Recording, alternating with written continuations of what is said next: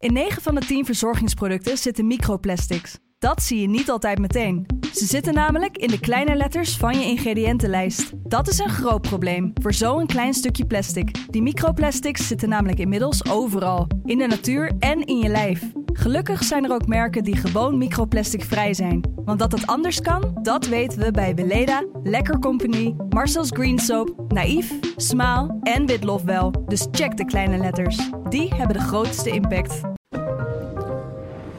Mijn naam is Kamran Oela en wekelijks analyseert onze verslaggever vier duk nieuwsgebeurtenissen die hem bezighouden. Het had weinig geschild of hij had deze week hier helemaal niet gezeten. Oh, Ja, dankzij de brandweer je hier, hè? de brandweer Amsterdam, jongen, die heeft me uit de lift gered eh, gisteravond. Want eh, ik zat vast. Met een harde knal eh, stopte de lift ergens tussen de derde en vierde verdieping. En ehm, de alarmcentrale werkte niet, dus ze moesten de brandweer bellen. Nou, die waren er binnen de kortste keren. En die hebben dan zo'n tang of zo. Dus dan hebben ze, halen ze het er ook zo weer uit. Dus mijn grote dank gaat naar de brandweer Amsterdam-Amsteland. Kijk, nou, gelukkig. eh, Daardoor zit je gewoon hier en heb je niet in, eh, in angst en zweten vastgezeten. Nee, eh, het viel me mee hoe claustrofobisch ik was. Het was, viel heel erg mee. Ik had het erger verwacht eigenlijk. De komende 20 minuten gaan we weer over allerlei onderwerpen hebben. De Vereniging van Europese Populisten, het optreden van Thierry Baudet. Maar we beginnen met dat we het alleen nog maar doen in onze eigen groep. Ja, we zijn onderweg naar 24 miljoen Nederlanders, Wiert, in 2100. Mhm. Waarvan de helft allochtoon, eh, dat eh, zegt hoogleraar demografie Jan Latte. Die trekt nu aan de bel. Eh, we raken volgens hem de saamhorigheid in de samenleving kwijt. Segregatie, niet alleen de achtergrond, maar ook het opleidingsniveau. Relaties ontstaan alleen nog maar binnen de eigen klasse. Ja. Dat is volgens Latte zorgelijk, want dan kennen we de andere groepen niet meer. Ja, dus vooral het laatste wat Latte zegt lijkt me heel erg belangrijk. Hij heeft het eigenlijk aangestipt in een interview in de Telegraaf. Ehm, hij is nu met pensioen, dus hij kan meer vrij uitspreken ehm, dan eh, eerder. Wat hij vooral zegt is ehm, dat die bevolkingstoename dus explosief is. Dus dat we daar iets aan moeten gaan doen. Maar dat, eh, wat hij vooral ook zegt is wat, eh, wat jij hier aanhaalt... dat mensen binnen de eigen kring trouwen en ook binnen de eigen opleiding. Dus dat je een enorme kloof krijgt tussen hoge en lage opgeleiden. En hij noemt het dan die powerkoppels in de Randstad. Hè? Dus dat de man hoog opgeleid is, veel verdient. De vrouw hoog opgeleid verdient ook veel. Die kinderen die worden dus heel erg geprivilegeerd, want die gaan naar hele goede scholen. Eh, die krijgen goede opleiding, goed onderwijs. Die starten al vanuit een positie waar andere kinderen niet aan, nooit aan toe kunnen komen. Want ze zitten vaak in koophuizen die enorm veel meer waard zijn geworden. Dus die kinderen gaan enorme erfenissen krijgen en noem maar op. Dus dat wordt een soort 1% in Nederland van rijke, geprivilegeerde klassen. En daarnaast heb je dus die onderklasse van mensen die ook binnen de eigen kring eh, trouwen. Hè, binnen de eigen kring partners eh, vinden. Die vaak geen mogelijkheid hebben om een huis te kopen bijvoorbeeld. En op, op die manier kapitaal op te bouwen. Die beginnen al met een enorme achterstand. En eh, nu was het natuurlijk altijd het verheffingsideaal hè, van de Partij van de Sociaaldemocraten. Om die mensen uit die achterstand te mobiliseren en hen te laten klimmen sociaal. Maar dit wordt steeds moeilijker en moeilijker. Totdat we in een situatie komen. Ik weet niet of Latte dat zegt, maar dat dreigt. Zoals in de Verenigde Staten, waarin die American Dream zogenaamd nog bestaat. Maar totaal niet meer uitvoerbaar is. Hè. Dat wijst onderzoek uit. Als je eenmaal in een, in een onderklasse bent geboren, kom je daar dus gewoon niet meer uit in de Verenigde Staten. En als dat in Europa ook gebeurt, dan staat het sociale contract, zoals we dat noemen. Dat staat enorm onder druk. Daar, daar heeft Latte dus een heel goed punt. En daar zouden we ook als media heel veel aandacht aan moeten gaan besteden, denk ik. Maar aandacht gaan besteden. Jij komt in veel van, eh, van dat soort wijken Ja. ook, spreekt met mensen. Ehm, ja, wat, wat kunnen we dan als we de aandacht aan besteden? Nou ja, je ziet dus, dat, dit zijn dus de mensen die ook, hè, die als je het hebben over de... Precies dit is wat je ziet, dit zijn de, de, de rijke, geprivilegeerde mensen. Ze zijn heel erg tevreden met Nederland, hè. dat wijst onderzoek ook altijd uit. Nederlanders zijn behoren tot de meest eh, tevreden, gelukkige volken ter wereld. Ja, ik kan me voorstellen, als je in zo'n situatie verkeert... en je kinderen groeien op in wilde en, en zo... eh, die stemmen ook gewoon die coalitiepartijen, hè, de huidige de middenpartijen, zeg maar. Maar dan heb je daarnaast die onderklasse. En dat, daar is niks... eh, dat is zonder enig dédain of zo, hè, de, gewoon de lagere de sociale klasse... eh, die zich enorm in de steek gelaten eh, voelt. En die beseft intuïtief misschien, misschien niet met cijfers... maar beseft van, wij hebben geen kans om hier meer eh, uit te komen. Eh, dat is vaak natuurlijk ook voor een deel de allochtone klasse, hè. En die mensen, eh, de, de, de blanken daaronder, die gaan naar eh, de PVV en naar Baudet, dus naar de, naar de, naar de, de, de flanken, zeg maar. En de allochtonen onder hen, die gaan naar Denk en zo. En het, het, grote gevaar is, wat we gaan krijgen, is dat die, midden, dat die middenpartijen gaan imploderen uiteindelijk. En dat dan zeg maar aan de ene kant het nationaal-populistische deel komt te staan. En aan de andere kant ehm, het, uh, het denkgedeelte en NIDA. Hè, en die zich gaan alliëren met GroenLinks en dat soort partijen. En ehm, wat ik een goede analyse vind wel van mensen als uh, Ewald Engelen bijvoorbeeld, een econoom, die zegt. Um, waar die onderklasse voor moet oppassen, is dat ze zich niet onderling laten uitspelen. Dus dat je zeg maar de blanke arbeiders, maar ook werklozen krijgt ten opzichte van allochtone arbeiders, werklozen, en dat die eigenlijk tegen elkaar uit worden gespeeld in, het hele, in die hele kwestie rond de islam en immigratie en dergelijke. Omdat ze eigenlijk een gezamenlijke front zouden moeten vormen tegen dat, dat hyperkapitalisme waar zij last van hebben. En dat vind ik eigenlijk een uh, valide argument, maar dat, dat, dat, dat gaat niet gebeuren. Dat is bijna niet meer te doen als je alleen nog politiek ziet. Je noemt net de partijen, die staan zo ver uit elkaar. Ja, terwijl ze dus, uh, ze staan ontzettend ver uit elkaar, terwijl ze dus in, in principe uh, hebben hun, heeft hun aanhang, de aanhang van Denk, als je die vindt in de, in de onderkant van de allochtone klasse, zeg maar, die heeft helemaal niet zoveel uh, verschillende belangen als die van uh, de PVV. of van de SP desnoods. Alleen dat zien ze niet. Dat wordt hen ook niet duidelijk gemaakt. Dat wordt dus, ook het falen van de politiek, grotendeels. Maar in principe hebben ze dus sociaal-economisch vaak dezelfde belangen. Alleen ze worden op, op, de, op de kwestie van de identiteit, hè, ik ben moslim of ik ben blank, worden ze tegen elkaar uitgespeeld en spelen ze ook uh, zelf, uh, zien ze elkaar ook als tegenstander. Maar uiteindelijk, hè, want stel nou dat, het, dat we meer aandacht aan besteden, hè, precies zoals je het eigenlijk uitlegt, uiteindelijk gaat dan toch niet een jongen met MBO 1 trouwen met een meisje universitair geschoold is. Dat, dat, dat, dat past toch niet meer? Nee, dat gaat niet gebeuren. Nee, dat, nee dat, dat is ook zo. Dat gaat niet gebeuren. Alleen um, wat je wel kunt doen, denk ik, als uh, en wat ook misschien wel je plicht is als medium, is om te laten zien dat uh, ook in een land waar de mensen quasi zo gelukkig zijn als in Nederland, waarin men de indruk heeft dat alles eh, best wel goed ruilt en zeilt en zo, dat een heel groot deel van die samenleving toch niet meekomt. En, um, en ook eigenlijk geen kansen meer heeft om te klimmen sociaal. En, uh, en dat dat te weinig uh, aan de orde wordt gesteld, ook in de, de politiek. Of de partijen die dat dan doen, die dat dan misschien niet op, op de juiste manier doen. We blijven een beetje bij de, de groep, een van de groepen waar je het net over had. Want uh, vorige week was, uh, waren natuurlijk de algemene politieke beschouwingen. Uh, Thierry Baudet die was het grootste deel van het debat over de Rijksbegroting 2019 afwezig. Tenminste, hij nam niet echt deel aan het debat. En dit zei de Forum voor Democratie-leider er zelf over. Ja, ik weet niet of anderen dat gevoel niet ook hebben, maar ik heb vaak het gevoel dat het beneden mijn waardigheid is om hier zinloze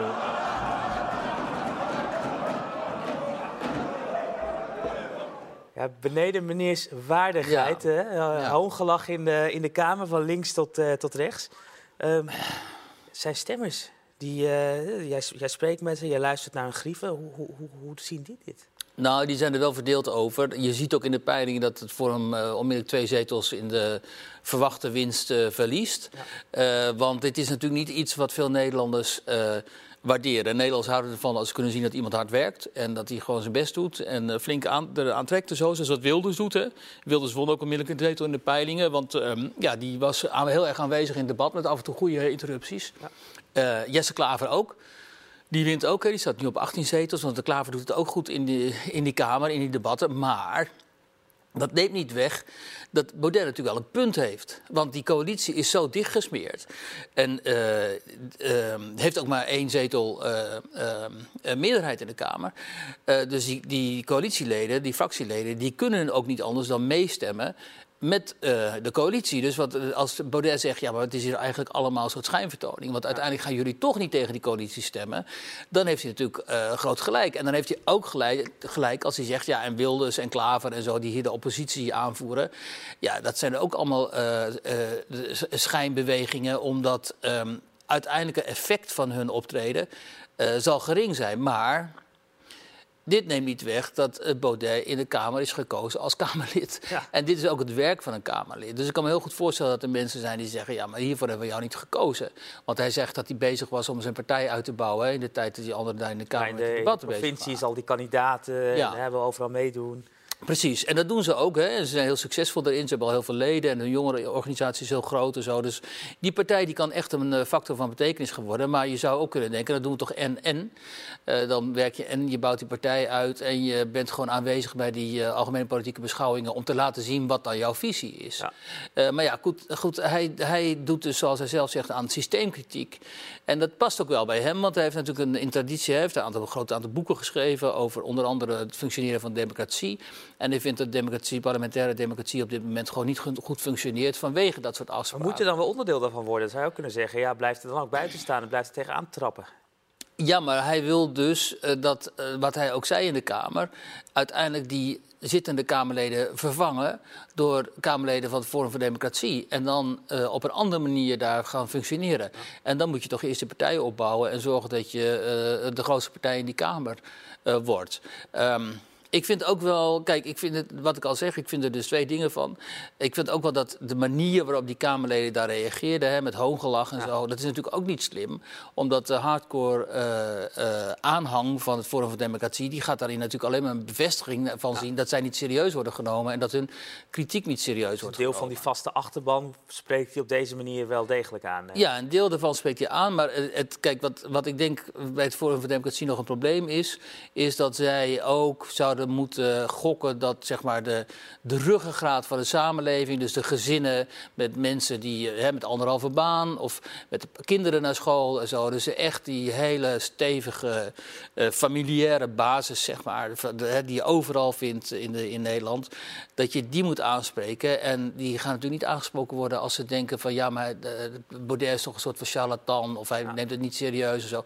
Dan moet je echt de seriositeit van mensen als Rutte en, uh, en Buma en zo aan de dag Ja, en Baudet maakte vervolgens ook nog een soort uitglijder. Hè? En toen uh, werden de ja. oren gewassen door Mark Rutte. Laten we even luisteren hoe de premier dat deed.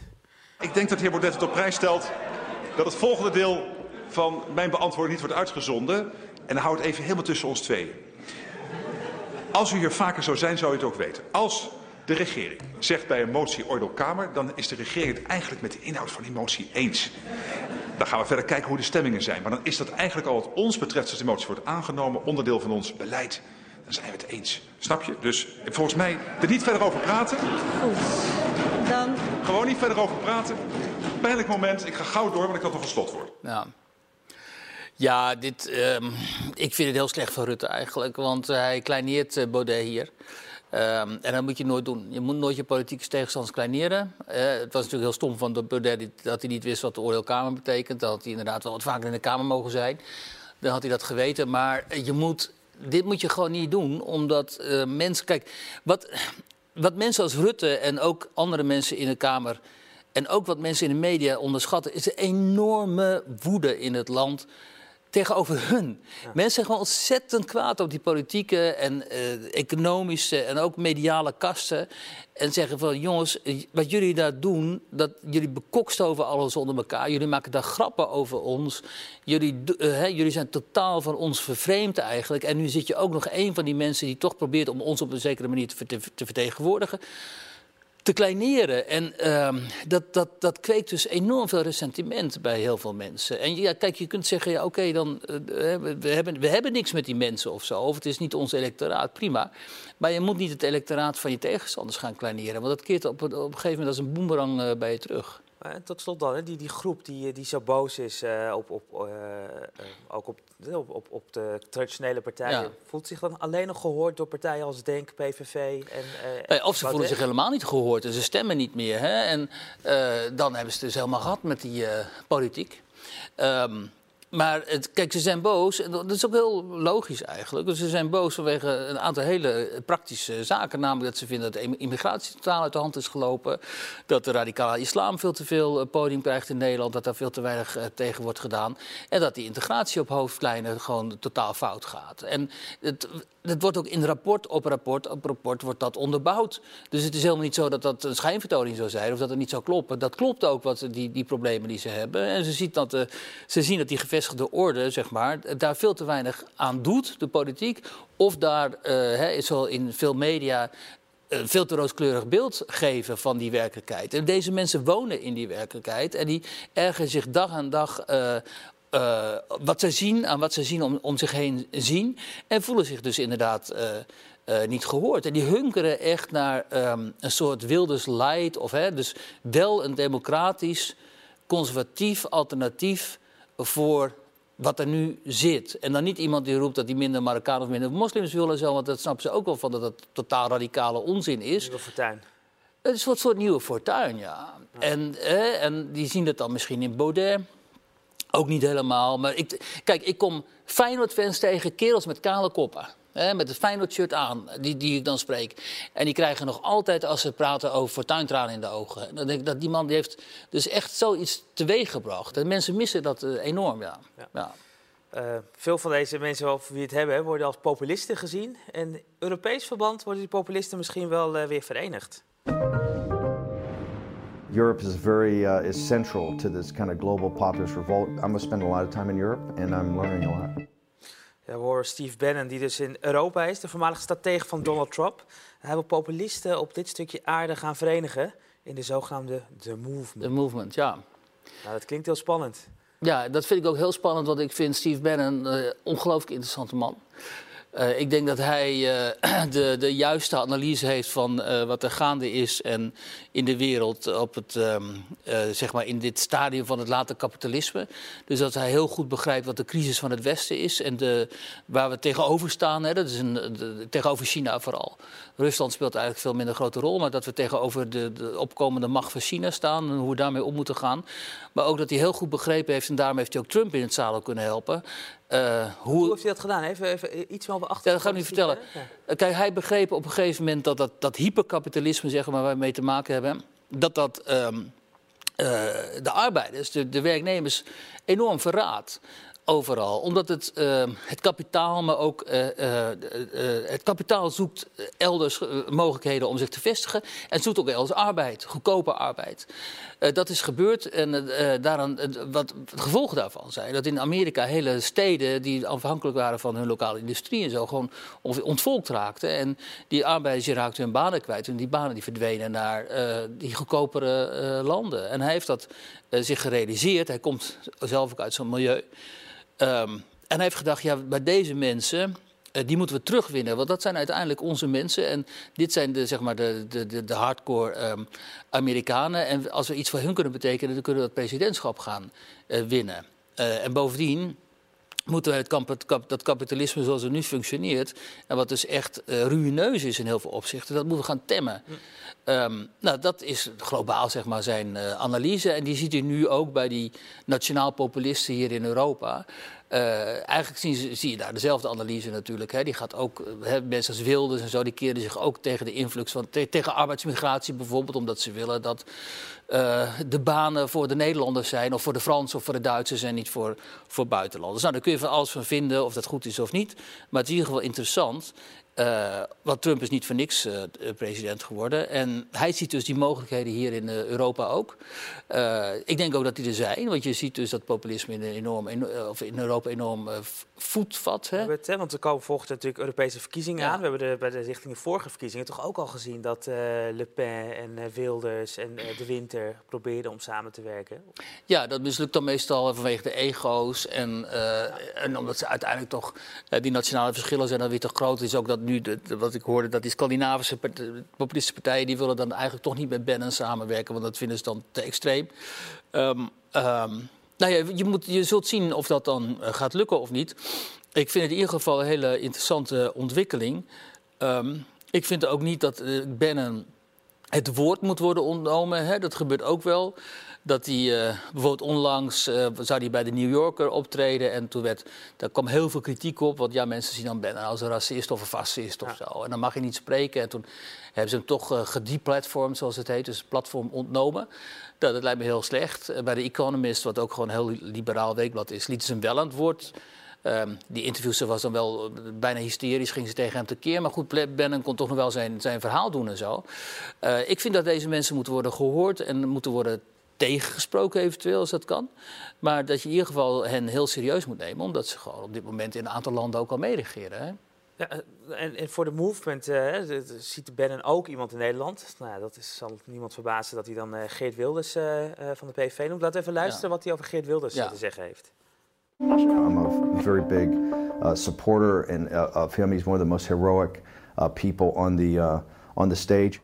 Ja, echt een eh, fan van hem, zegt hij. Je ziet Wilders als een held, hè? Ja. En, eh, eh, overigens het kwam ook Baudet nog, eh, de, zijn medewerker, die zei, we hebben twee partijen op de ogen, Ja. Wilders en Baudet, ehm, in Nederland. Eh, ja, kijk, er zijn natuurlijk meer mensen aan deze kant van het politieke spectrum, voor wie Geert Wilders internationaal gewoon held is. Net als dat zij Ayanis Ali als een held zien. Eh, omdat zij eh, zien wat die islamkritiek eh met Wilders heeft gedaan. 24-7 eh, bewaking en heel veel doodsbedreigingen. Dus zij zien hem als een soort van vrijheidsstrijder. En Bannon die ziet dat in Wilders ook. Wat ik trouwens wel eh, eh, fascinerend vind, is dat eerst die, die voormalig UKIP-leider Nigel Farage... die ging naar Amerika om Trump te helpen. Ja, En die komt Steve Bannon naar eh, Europa om, eh, om ons hier te gaan helpen. Het is een soort nieuwe transatlantische samenwerking. Ja, maar dit, is, dit wordt een internationale beweging. En de, de, interessantste vraag daarin is natuurlijk... wat speelt Poetin daarin voor Ja. Omdat heel veel mensen zeggen... ja, maar Poetin die financiert die bewegingen... en die is erop uit om via deze eh, de populistische rechtse bewegingen... de E- Europese Unie, die allemaal kritiek hebben op de EU natuurlijk... dat Poetin zijn eh, doel zou zijn om via hen uiteindelijk die Europese Unie te ondermijnen... Ehm, dat kan, dat weten we niet. Dat bewijs ligt nog altijd niet voor. Ik weet alleen maar dat, dat Poetin eh, leningen heeft gegeven aan eh, Front National bijvoorbeeld. En dat de familie Le Pen eh, met hem bevriend is. Althans met die, met die kring rond Poetin. Ehm, maar ja, ehm, uiteindelijk staat de Europese Unie en de partijen die de Europese Unie en deze Europese Unie zoals die er nu uitziet een goed hart toedragen, die staan wel door deze, door deze ontwikkelingen enorm eh, onder druk. Dat Maar klopt, richting ja. de Europese verkiezingen bet- betekent dat nu toch ook weer dat met de komst van Bannon, eh, wat jij net aangeeft, ook Rusland weer eens een rol gaat spelen. Rusland eh, zou Trump in het zadel hebben geholpen Ja. uiteindelijk. Ja. En nu zou het Europees parlement straks deels ook kunnen beïnvloed worden door Russen, geld, trollen. Nou ja, dat zou heel goed kunnen. Kijk, voor de Russen is het natuurlijk voordelig als er Europese of EU-kritische partijen in het Europese parlement zitten en als die steeds groter worden in de nationale parlementen. Dus ehm, dat, is, eh, dat is inderdaad, dat staat buiten kijf, ja. Dat is eh, enorm interessant om te volgen. Kortom, eh, interessant inderdaad voor het komend half jaar om in de gaten te gaan houden. En daarna zien we ook wel weer hoe het Ja. gaat. Ja. 20 minuten alweer voorbij, Wiert. Ja, jongen, dat eh, gaat heel snel allemaal. Dus er gebeurt ook zoveel. Ja, nou, we hebben bijzondere onderwerpen besproken, maar ook Ja. veel zorgen weer. Ja. Die weten waar ik mee eindig, hè? Eh, nou ja, we kunnen ook niet eindigen met Ajax, hè, want die hebben zwaar verloren voor PSV. Ja, dus als nee, we eh, PSV-aanhanger zijn, dan kunnen we eindigen met het optimistisch geluid over PSV. En Mark van Bommel, die zich tot een toptrainer aan het ontwikkelen is. Dat is wel mooi om te zien. Al zo snel kun je dat zien gewoon. Kijk, Ja. nou, dat moet ik, moet ik nog maar even zien of dat echt zo eh door gaat trekken. Nou, eigenlijk ben ik als voor FC Groningen, maar daar ga ik helemaal niks over zeggen. Die staat laatste. Dus eh. Ach, mijn vrienden in de leiding van FC Groningen, die hebben hele zware dagen op dit moment. Ja, volgend jaar weer de kraken FC Groningen, FC Twente. ja precies. Ja. Wiert, dankjewel en tot volgende. Graag gedaan.